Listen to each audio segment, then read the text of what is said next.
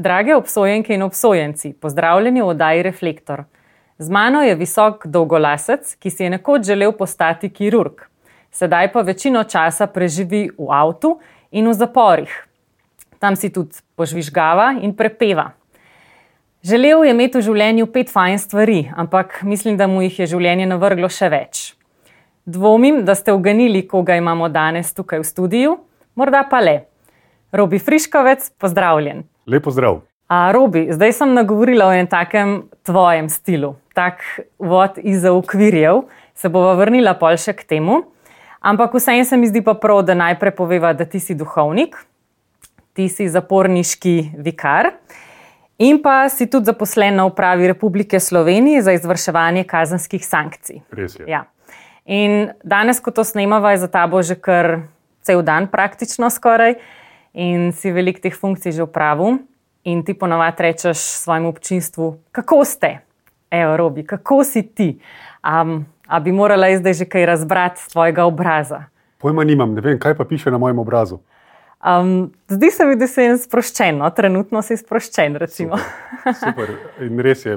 Odgovoril bi, da sem sicer kvalitetno, uh -huh. zdaj izraz kvalitete je lahko tako malce zavajajoč, ker kvaliteta je lahko dobra ali pa slaba. Ampak za mojo kvaliteto danes se skriva en tak um, umirjeno počutje po celotnem dnevu, ki je bilo zelo dinamično, uh, tudi po kar nekaj upravljenih razgovorih. Ampak ja, počutim se fajn, zadovoljnega in uh, predvsem umirjenega, no? tako kot da je en tak lep dan za mano. Zakaj pa sprašujem ljudi, kako so? Prav zaradi tega, ker ja, želim povprašati, jaz rečem temu po agregatnem stanju. No? Ali je to zdaj trdno, tekoče ali plinasto? Um, mi sicer zelo hitro odgovorimo, v redu, dobro, ne? ampak sprašujemo potem, kaj je sploh še živega v nas. Kaj je v nas tisto, kar bi dal so človeku, če bi imeli možnost podariti. In zato se mi zdi zelo, zelo pomembno to vprašanje, kako si. Jaz to veliko krat vprašam, tako, tudi sredi Maše, eh, pred nagovorom po Evangeliju. Eh, zelo iskreno vprašam ljudi, kako so. Zdaj lahko si predstavljate, da če imam pred sabo 20 ali pa 200 ljudi, je odgovor zelo podoben. Ampak, ko jim dam podnapise, potem se malo junačijo in spregovorijo malo bolj korajžno. Super, ja, to se mi zdi dobro. Um, veš, kaj sem naredila? Zdaj, prejšnji teden sem prebrala tole knjigo, Gangster ali Duhovnik. Okay. In um, me je zelo nagovorila, no? fajn jo je bilo srkati. In opisuje tudi to otroštvo, kakšno je imel, to je duhovnik, on postane duhovnik, se spreobrne. In zdaj pa me zanima, kakšno otroštvo si pa ti imel. Sej ne želim delati primerjav, ampak vseeno, ka, kateri spomini te vežejo na otroštvo? kaj se tega lepega spomniš, mm. da si prenesel naprej in te še zdaj tako navdušuje ali pa te pogreje, ko se spomniš. Zdaj, eh, moje otroštvo, zdaj, zelo splošno rečeno, jaz rečem, da je bilo tako čist eh, vsakdanje. Eh, ponavadi ga opišem, eh, tudi da je to tako imenovani Cvajkinder sistem. Eh, mama, oče, eh, pa jaz in moj brat, eh, imam pet let starejšega brata. Uh, lahko si predstavljate dinamiko med nami, uh, ni bilo tako miroljubno, ampak smo se v marsičem ne strinjali. Uh, pa predvsem jaz, kot mlajši, sem bil večkrat tečen kot ne. Uh, v družinskem življenju ja, sem bil navaden tistih klasičnih vprašanj, kar starši sprašujejo svoje otroke, se pravi, kako je bilo v šoli v redu, uh, imaš kaj za domačo nalogo, ne, se imaš kaj za učiti, ne, kam greš ven, kdaj priješ, ne vem. Tako, to je bil naš vsakdanjik. Uh, kaj pa bi tako se spomnim, zdaj, če, če skušam jaz osvetliti nekaj svojega uh, otroštva ali pa mladostniških let, je pa mogoče ravno ustrajnost moje mami, ki ni obupala no, nad mano. Uh, čeprav sebe ocenjujem kot zelo muhastega človeka, da sem si marsikaj tako, uh, tudi kajšno ušpičil. Uh, ja, ljudje si predstavljajo, da si tako že kar rojen duhovnik no, in da je vse v redu, že, ampak ta moja pot je bila, kot je bila. In mami je ustrajala, no, me spodbujala, uh, pa predvsem um, jo imam zapisano, da je dala samo sebe. Da ni zdaj mi nekaj kupila, ker mi veliko krat ni mogla, ker ni bilo denarja, ampak je dala samo sebe. In um, to mi je ena taka, rekel, vrednota, uh, ko tudi jaz želim v svojem življenju pravzaprav dati sa, samega sebe. Ne sebe kot sebe, ampak vključiti se, vstopiti v situacije življenja. No. Uh, da ni zdaj samo nekaj kot en satelitek, prideš pa odletiš, uh, ali pa da to predvsem skušaš nadoknaditi z nekim denarjem. Uh, je boljš, če se učiš, da imaš možnost dati samega sebe. No. Svoje darove, ki so seveda od Boga, ampak da, da se ne zanašaš samo na neke druge, da bodo drugi vstopili ali pa nekaj naredili. In kot fant ti nisi hodil v crkvu, oziroma mm. rečeš, da si hodil v crkvu iz radovednosti. Ne? Jaz sem začel na začetku srednje šole, ampak ja? zdaj bom rekel zelo iskreno, po iskanju večjega nesmisla. Jaz kot najstnik sem doživljal pač nek nesmisel, tako, kot rečejo danes mladi, marsikaj mi je bilo brez veze. Uh, tako, B. In ja, jaz sem šel v crkvu pogledati, kaj ljudje tam počnejo. Um, zdaj, sem iz Škofi Loke in če kdo pozna crkvo v Škofi Loki, jaz sem se v zadnji naslonil in opazoval, kaj ljudje tam počnejo. In mi je bilo jako zanimivo, zato ker sem se nasmejal. In še danes, ko mi pač moj tale uh, usnice padejo dol, jaz kdaj moram v crkvi opazovati ljudi, kaj tam počnejo, ker mi je fajn uh, to opazovati. In tudi, ko si rečem, ok, pa kaj jim ni jasno. Mislim, dejansko, kaj jim ni jasno. No? Jaz, jaz sem gledal ljudi tam in si rekel, hej je to to. Uh, pridejo noter, pokleknejo in čakajo, da stvar mine. Dobesedno. Tako, če časih ima kdaj na uro pogledajo, malo po nosu povrtajo, malo zazehajo. Ja. In to jim je vse dogajanje. No. Jaz sem si kdaj mislil, tako, okay, pa zakaj ne zapremo teh vrat, pa rečemo, so zaprta do nadaljnega, dokler se ljudje ne zresnemo. No. To me je privleklo noter in potem je bilo nadaljno dogajanje. Ja, in kaj pa je bilo pol tisto, da se je sprememba zgodila in tak premik v zgib, recimo tale René Luk tako piše, kako se ga je Bog dotaknil. On reče, da so mu tekle solze iz oči. Ne? Nič ne morem, pustim jim teči, pravi. V trenutku, ko sem obdan z molitvijo, mi po licih tečejo solze, v meni deluje Bog. In potem naprej še pravi, nikoli ne bom pozabil miline tega prvega trenutka, tega prvega vstopa svetega duha v moje življenje. Mm. A se spomniš, da se je pa to pri tebi zgodilo, da, veselje, da, da ti ni bilo več samo uno brez veze, ampak da si to veselje v srcu začutil? Šlo je seveda za nek proces, uh, predvsem se je pa začel dogajati, ko sem, jaz pravim, iz nasprotovanja, namesto da bi hodil samo ob nedeljah, sveti Maši, začel hoditi k Maši vsak dan. Ampak meni je bilo res fajn tam. Uh, zato, pač, kot sem rekel, najprej, ko sem opazoval ljudi, kaj počnejo. Druga stvar pa je, slišal sem duhovnika, župnika, ki je bil takrat pri nas uh, na župni, da je ljudi nagovarjal s posebnimi besed, besedami. Približno štirikrat med svetom manjša jih reče duhovnik. In to so bratje in sestre. Jaz sem jih res slišal te besede, tako da besedno, tako, wow, za me je bilo to kot odkritje, da smo ljudje med seboj povezani. Jaz vedno pravim, to je razlog, zakaj hodim v zapor, ker tam so moji bratje in sestre. Ne vem, če so vaši, moji so. Druga stvar, ki je pa bila, je pa ta duhovnik začel pri pridigi razlagati, kako je Jezus prišel zaradi ljudi, ki ga potrebujejo. Da so to kruljevi, hromi, prostitutke, cestninari, tako, tisti, ki ga rabijo. Jaz sem v tistem momentu vedel, da ga rabim. Ne vem, če ga rabijo ljudje, ne vem, pojma nimam, res iskreno. Lahko bi teoretično rekel, ja, itak. Ampak jaz vem, da ga rabim jaz. Še danes, jaz sem lahko Robert Friškovec, faca v zaporih. Ja, 14 dni, pa padem dol pa pa rabaš spet moč. Hrana, on je hrana, ma ne na 14 dni, vsakdanja hrana. Ja, ja. Zato jaz vedno govorim o veri oziroma odnosu do Boga kot vsebini, ki te polni. Veliko krat rečem, ok, doma vsi veste, kje imate shrambo, ko ste lačni, greste in se napapate, njami. Ampak kaj pa, ko nas, ne vem, sesuje življenje, ko smo razočarani, ko smo jezni, ko smo užaljeni, ko je surla, mislim, kam pa takrat gremo? Kaj nas nahrani, da me drži po koncu? Problem naš je, da smo tam noter v cerkvi, pa ne izkoristimo tega vodnjaka, mi ne znamo zajeti. In to je finta, kjer želim, da bi se učili pravzaprav prehranjevati, da bi, da bi dobili neko vsebino, ki te, ki te drži po koncu. Ja, itak, vsak ima tečne dneve, vsak ima dneve, kot je vse BZ, vsak ima dneve, ko je ne vem. Ampak, ali imam željo po, po neki hrani, po nečem, kar me nasiti, to, kar je bilo prej, ta BZ in B, je zgolj samo moja suša, pa moja lakota, pa moj tako. Ko, ja, tako, vse tiste reklama, ne, lačen si, ful drugačen. Ja. To je finta, to je res finta. Ampak zakaj, zakaj smo tako, ali je to ena kulturna razlika? Zakaj nismo tako kot v Afriki, tam plešajo? Ne? Recimo, že jaz sama sebe zalotam samo sebe, ki s dojenčkom že malo bolj poplesava, poplesavam, ne zraven.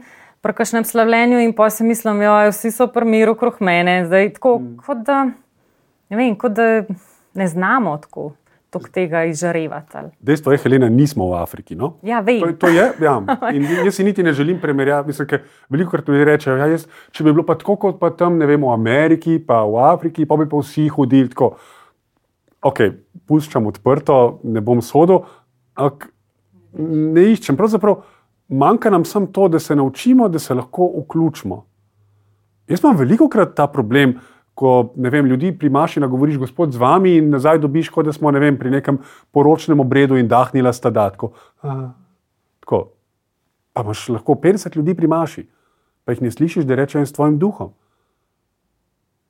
Se, manjka nam samo to, ja, da se jaz vključim noter. Kot sem rekel, da dam samega sebe na razpolago, doma lahko vsi kričimo drug na drugega. Res je, ja, prav tako. Tisto, a, a, a.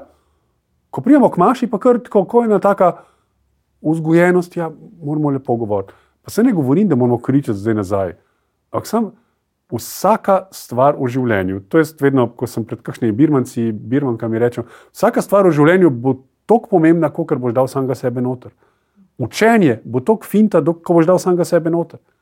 Ne vem, ta oddaja bo to, kar bo dala mi, da samega sebe noter. Tukaj, tukaj smo. No?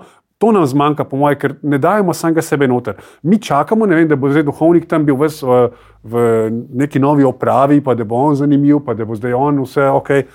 In pa bomo rekli, kako je facen in kako je dober. Kaj pa jaz? Kaj pa jaz? To je to. Vso občestvo, vsi, ki smo na vzoči, pripomoremo k temu, da je stvar ok. Fino, zdaj pa je zdala samo sebe noter, evo. Pazi to, tebe doskrat zaznamuje, oziroma ko sem te jaz spoznala, si imel res ogromno prstanov. Več, kot jih danes vidim na roki. Okay. Imáš samo enega, boš mi to razložil. In pa, recimo, jaz sem imela obdobje, da sem bila tudi brez lasa, ne, ne po svoji izbiri.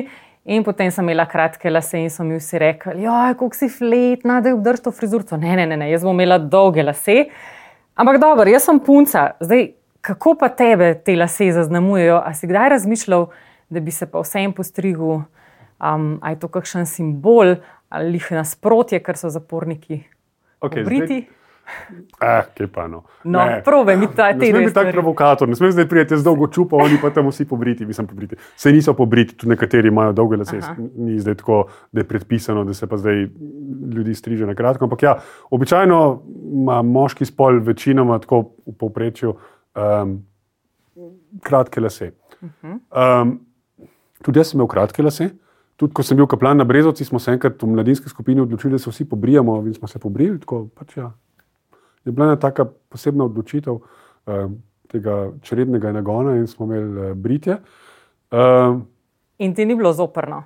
Ne, zakaj? Mislim, se pobriješ. Aha, ok. tudi zdaj, ok, ne vidi se, da imam dolge lase. Uh, kot smo se mi na zadnje videli, uživo sem imel tudi verjetno manj sive. Zdaj to mi nekatere dame predvsem zavidajo, ker hočejo imeti tako barvo las, ker to je zdaj menda in barva, da imaš sive lase. Tako se reče, ok, ne, nič nisem pripomogel k temu. Ampak kar se tiče pa prstanov, um, imam trenutno tega. Um, Ne vem, prišlo je obdobje, ko sem jih dal določene dol, imel sem jih pa res polhen in vse z namenom, ker sem jih um, dobil ob različnih priložnostih. No. Tudi tega, ta konkretno mi ga je dal um, zdaj že pokojni zaporniški duhovnik iz Luksemburga, ki je v Indiji ustanovil mesto za pohabljene otroke. In tam so, oni se preživljajo s tem, no, da, da izdelujejo nakit in to je prsten, ki, ki me povezuje z njimi.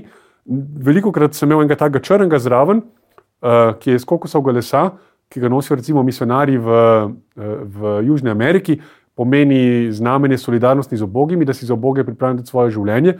Je lesen uh, in pomeni tako, kot je recimo vez z obogimi, tako krhka, tako je tudi uh, ta prsten in tak simbol, no, uh, krhek, ljumljiv. Uh, enega sem imel iz Filipinov, ki je imel gore eno tako uh, pismenko, uh, ki pomeni forever oziroma zavedno. Uh, tako različne stvari, ki, ki, ki sem jih dobil in so me pač zaznamovale. No. Tudi lasje so del moje poti, uh, Uh, jaz sem po naravi bil vedno stari roker uh, in to mi je bilo fajn. No, tako, taka en del mene. Jaz nikogar ne želim s tem um, vznemirjati. Recimo, se spomnim, ko sem prišel prvič v Logatec, dolni Logatec za duhovnega pomočnika, in tisti večer pride ena gospa in mi prinese špange. Rečem, ok, super.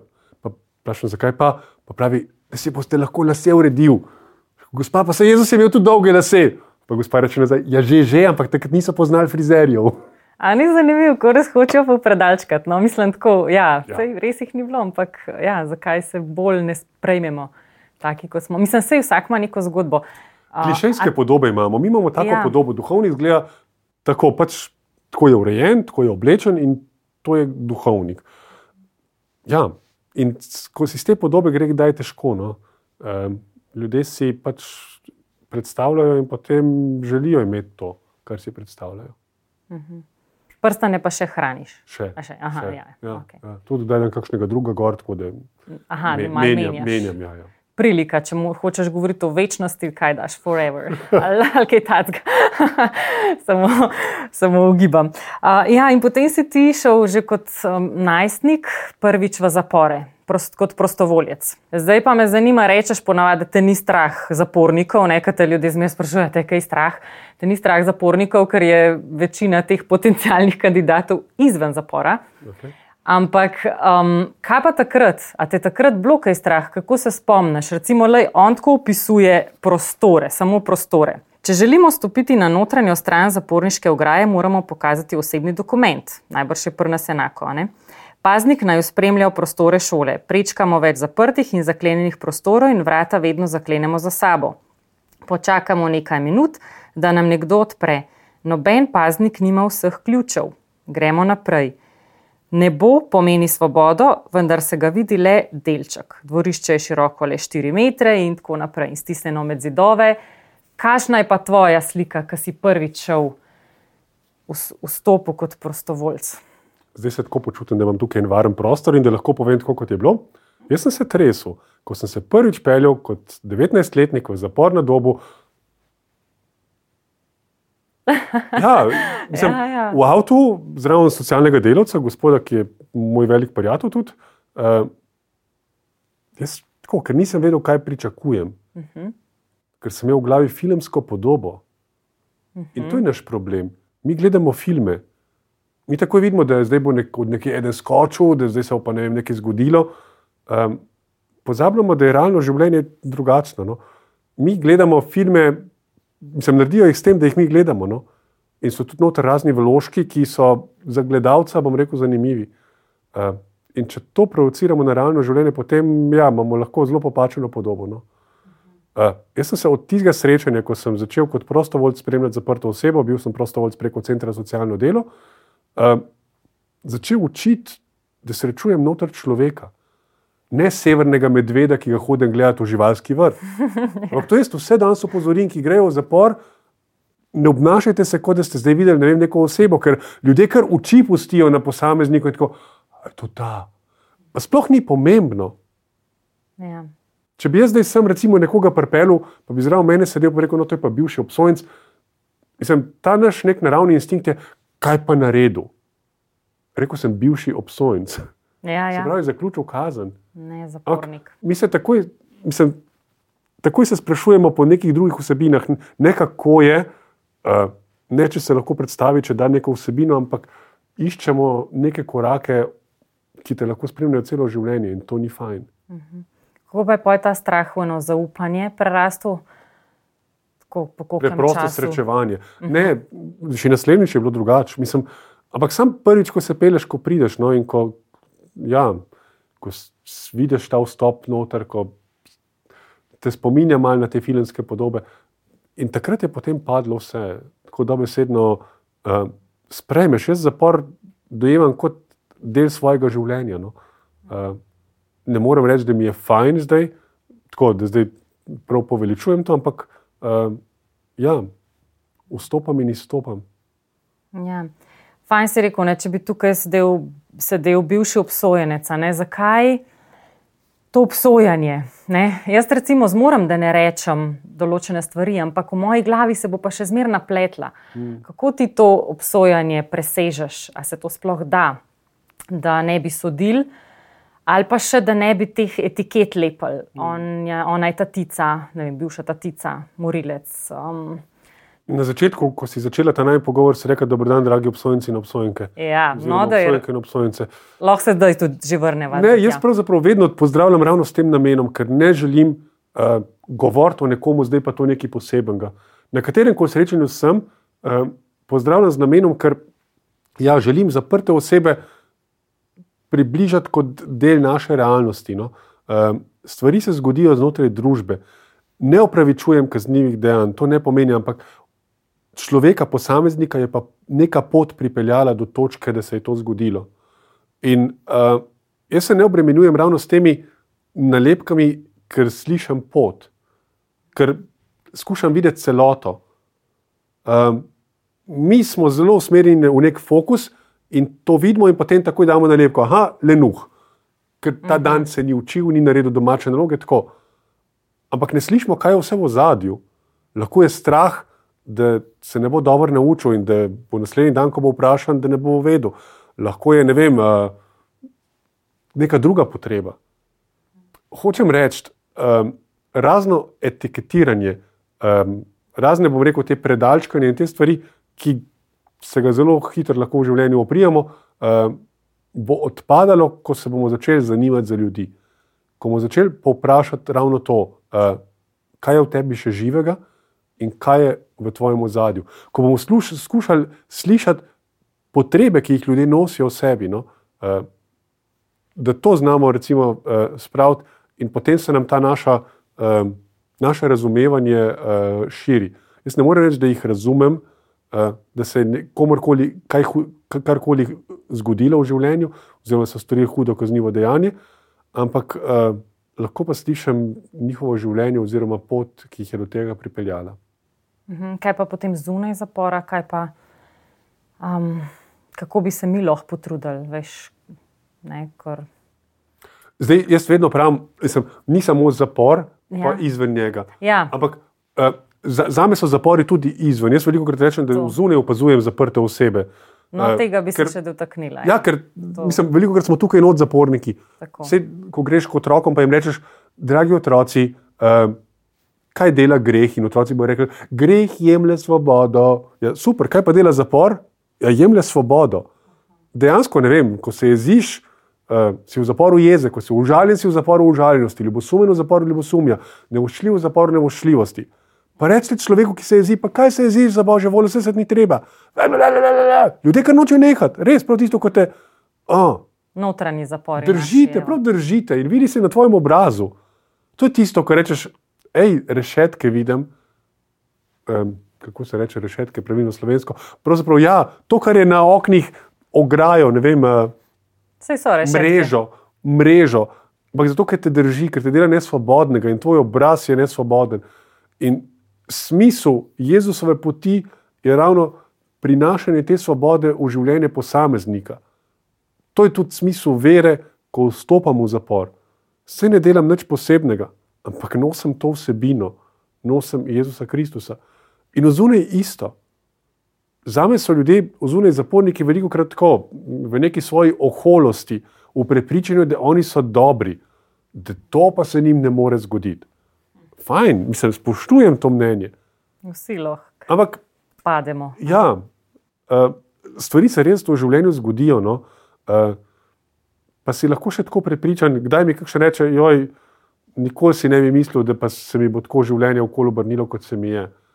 Pa so bili res momenti, sicer so se nabirali te momenti, pa posameznik sploh ni bil pozoren. Tako da uh, v Sloveniji konkretno imamo kar en velik problem, bom rekel, z nasiljem v družinskih krogih. No. Um, tukaj bi bilo smiselno devati še več poudarka, ker se zgodijo kazniva dejanja povezana z družinami. In meni je to samo sporočilo, da imamo v družini veliko ujetosti ali pa če rečem zaprtosti. Um, Že v odnosih. tako, ne? točno Ja, to, ki pripeljejo potem do točke, da pa se lahko zgodi tudi kaj, kaj zelo hudega. No? Uh, neko hudodelstvo in tega res ni tako malo v, v, v Sloveniji. No? Ja, ampak a se ti zdi, se kdaj vprašaš, če je sistem pravi? Se pravi, to, da nekoga izločimo iz družbe, ga zapremo za določen čas. Se je kdaj to vprašal, ali se tle mal preveč igramo Boga, ki bi v bistvu moral imeti končno sodbo? Mislim, se jo bo imel, ampak. Sistem tak imamo, kot ga imamo. Ja. Eh, zdravstvo je, zdaj bom rekel, zelo na, na, na, na prst v 300-letni zgodovini, od razsvetljenstva naprej. Uh, imamo tudi inštitucije, ki izrekajo kazni. To ne pomeni, da zdaj z vsem tem pometemo in rečemo, ni dober, uh, da imamo nekaj novega. Uh, fajn je, če se stvari razvijajo in če družba išče kaj kaj je tisto, kar je zdravilno, uh, da bom rekel, prinaša neke rezultate. Zdaj, za me osebno je vsekakor uh, je zelo blizu uh, področje obnovljalne pravičnosti, to je tako imenovan restorative justice v angleščini, kjer um, se skupaj pripelje uh, vse tiste, ki so povezani, povezani z nekim hudodelstvom, nekaj, kar se je zgodilo. Ne iščemo zdaj obsojenca, bom rekel, da je ves žarometer, pa reflektor, če uporabim naslov, naslov oddaje na njem, ampak da so vključeni lahko vsi in iščejo, ali pa se sploh slišijo, kaj se je zgodilo, eh, si dajo podnapise. Se pravi, tukaj je lahko odgovorna oseba, se pravi,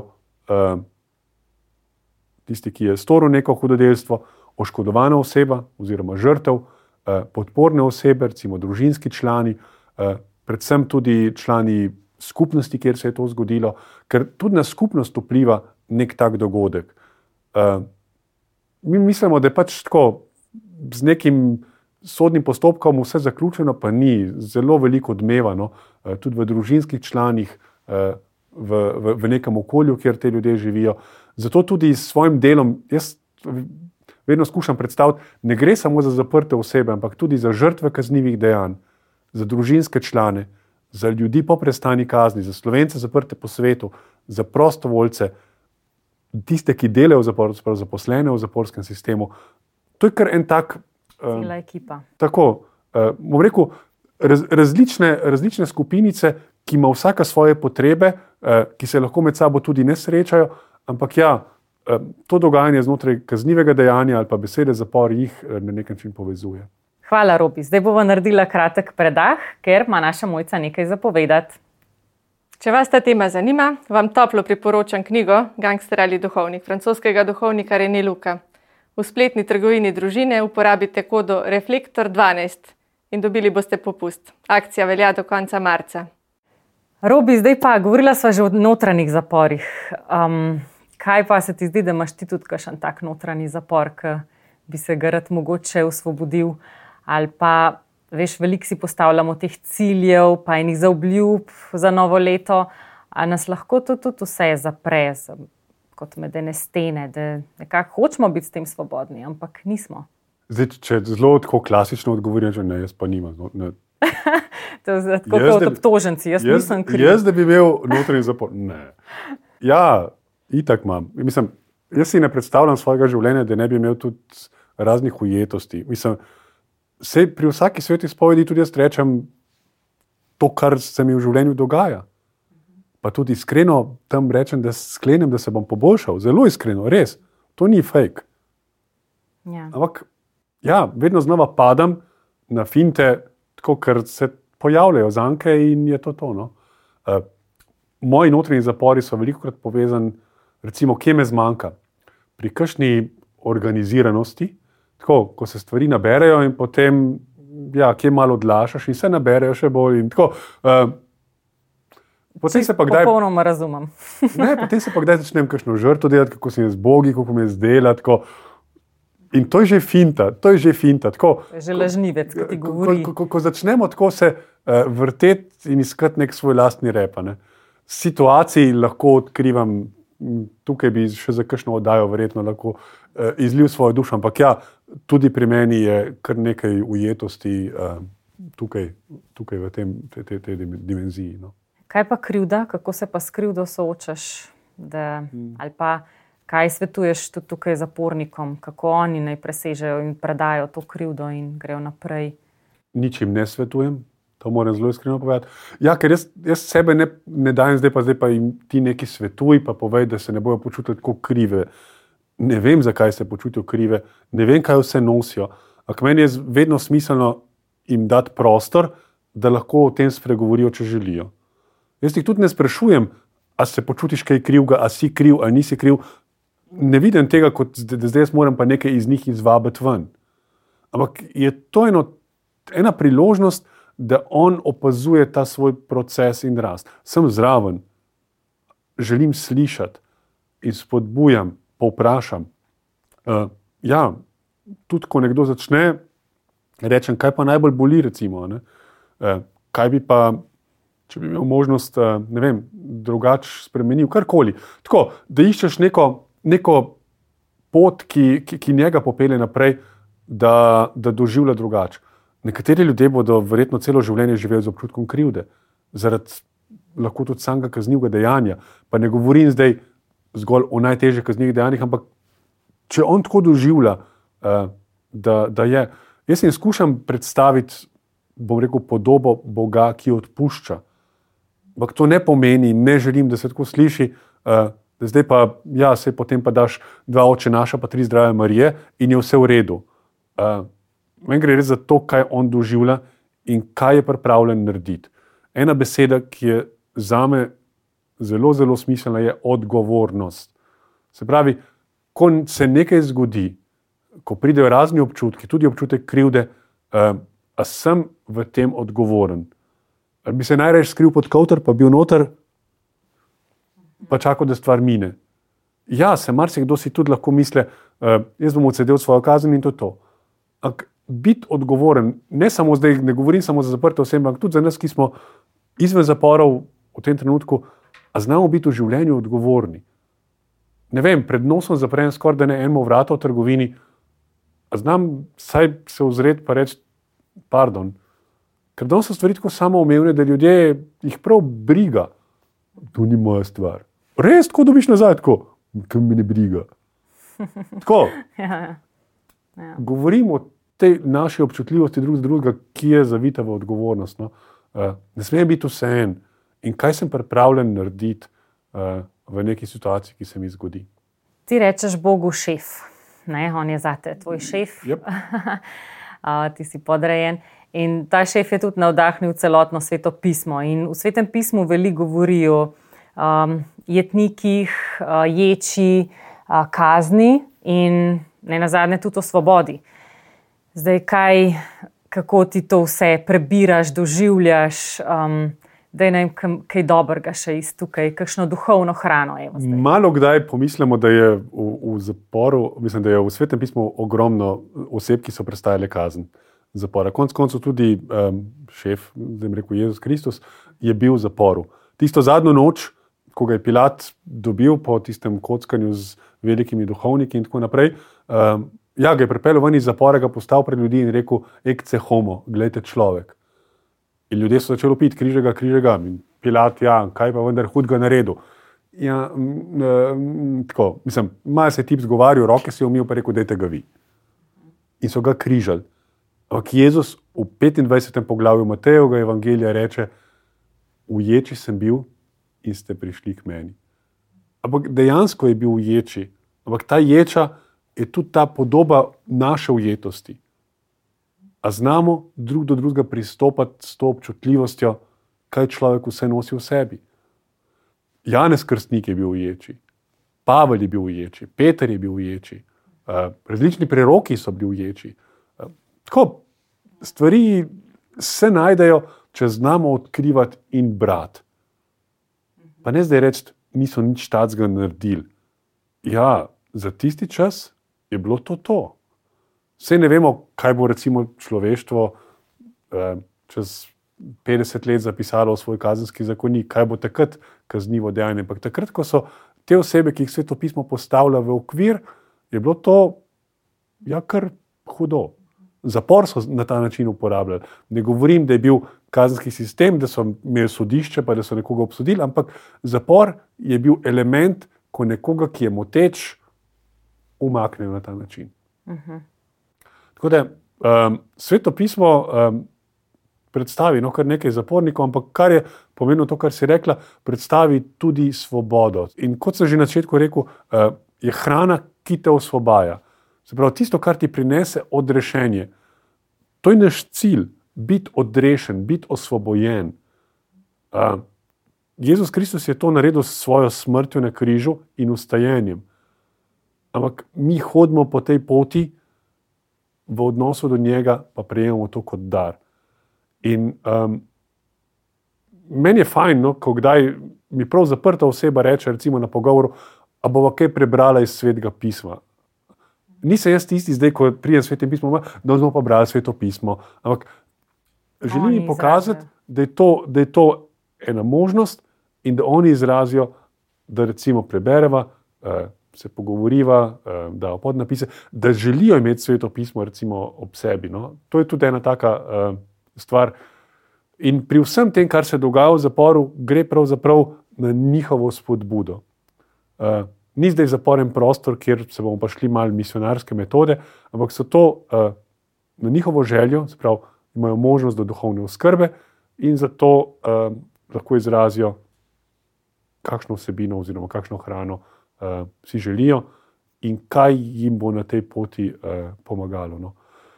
Še enkrat, sveto pismo je lahko to lažba tudi vsem ostalim, uh, s katerimi se srečujem, če rečem, žrtve kaznjivih dejanj, družinski člani. Uh, ena taka spodbuda, ki, ki, nam, ki nas nagovori, rekel, ob, ob nekem času, ko, ko, ko, ko iščemo uh, pot ali pa rešitev. Tako da, ja, Ja, se, mi fajn, se mi zdi fajn, da znamo po, po njem posegati. No.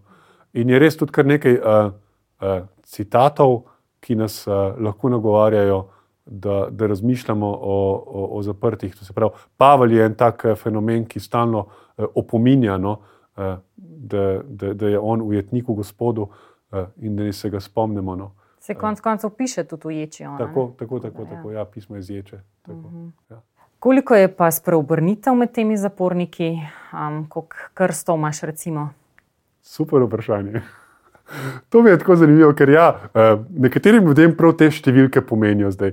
Koliko se jih je pa spreobrnilo že? In jaz sem tako, po vseh letih, pa sem zdaj že več kot 20 let duhovnik, uh, jaz tako kar pokažem nič. Ne? Mislim, ne vem, pojma nimam, ker uh, ne gre za to, da zdaj pa jaz tam čakam, a se jaz preobrnem, a se nisem preobrnil. Gre za pot. Uh, jaz sem tam, pa naredim največ, kar lahko, s tem, da vstopam. Bog je tisti, ki deluje. Pa ne samo tisti moment, ampak tudi, ko mene ni. In tudi, ko gre on ven iz zapora. In jaz sem že srečal človeka, ko pač ja reče: A veš kaj, takrat sem v zaporu sem šel ene dvakrat hmaš, ko si ti bil, ampak takrat sem bil prvič, ampak ko sem prišel ven, sem pa začel hoditi hmaši.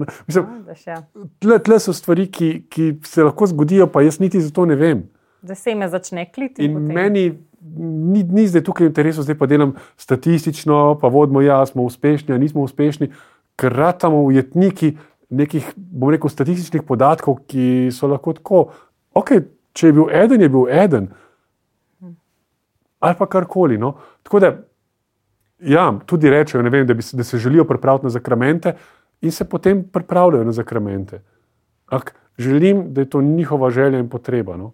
Uh, vejo, kaj lahko, vejo, kakšne so možnosti, uh, pa ne izraste iz njih. Mhm. Za konec me pa še zanima, kaj pa mladi, pa zapori, kakšne vsebine imaš kaj za nje, oziroma kaj bi jim rekel. Ne, če pomislim zelo iskreno, uh, v zaporu sporu, kot besedi, se najde marsikaj, kar se čuje pri današnjih mladih. Uh, predvsem v povezavi z ja, raznimi ujetostmi, uh, predvsem s tem, da se jim stvari kar vlečejo, tako kot se vleče recimo neka zaporna kazen. Uh, pa predvsem s tem, da tudi mislim, da vsi mladi hrepenijo po svobodi.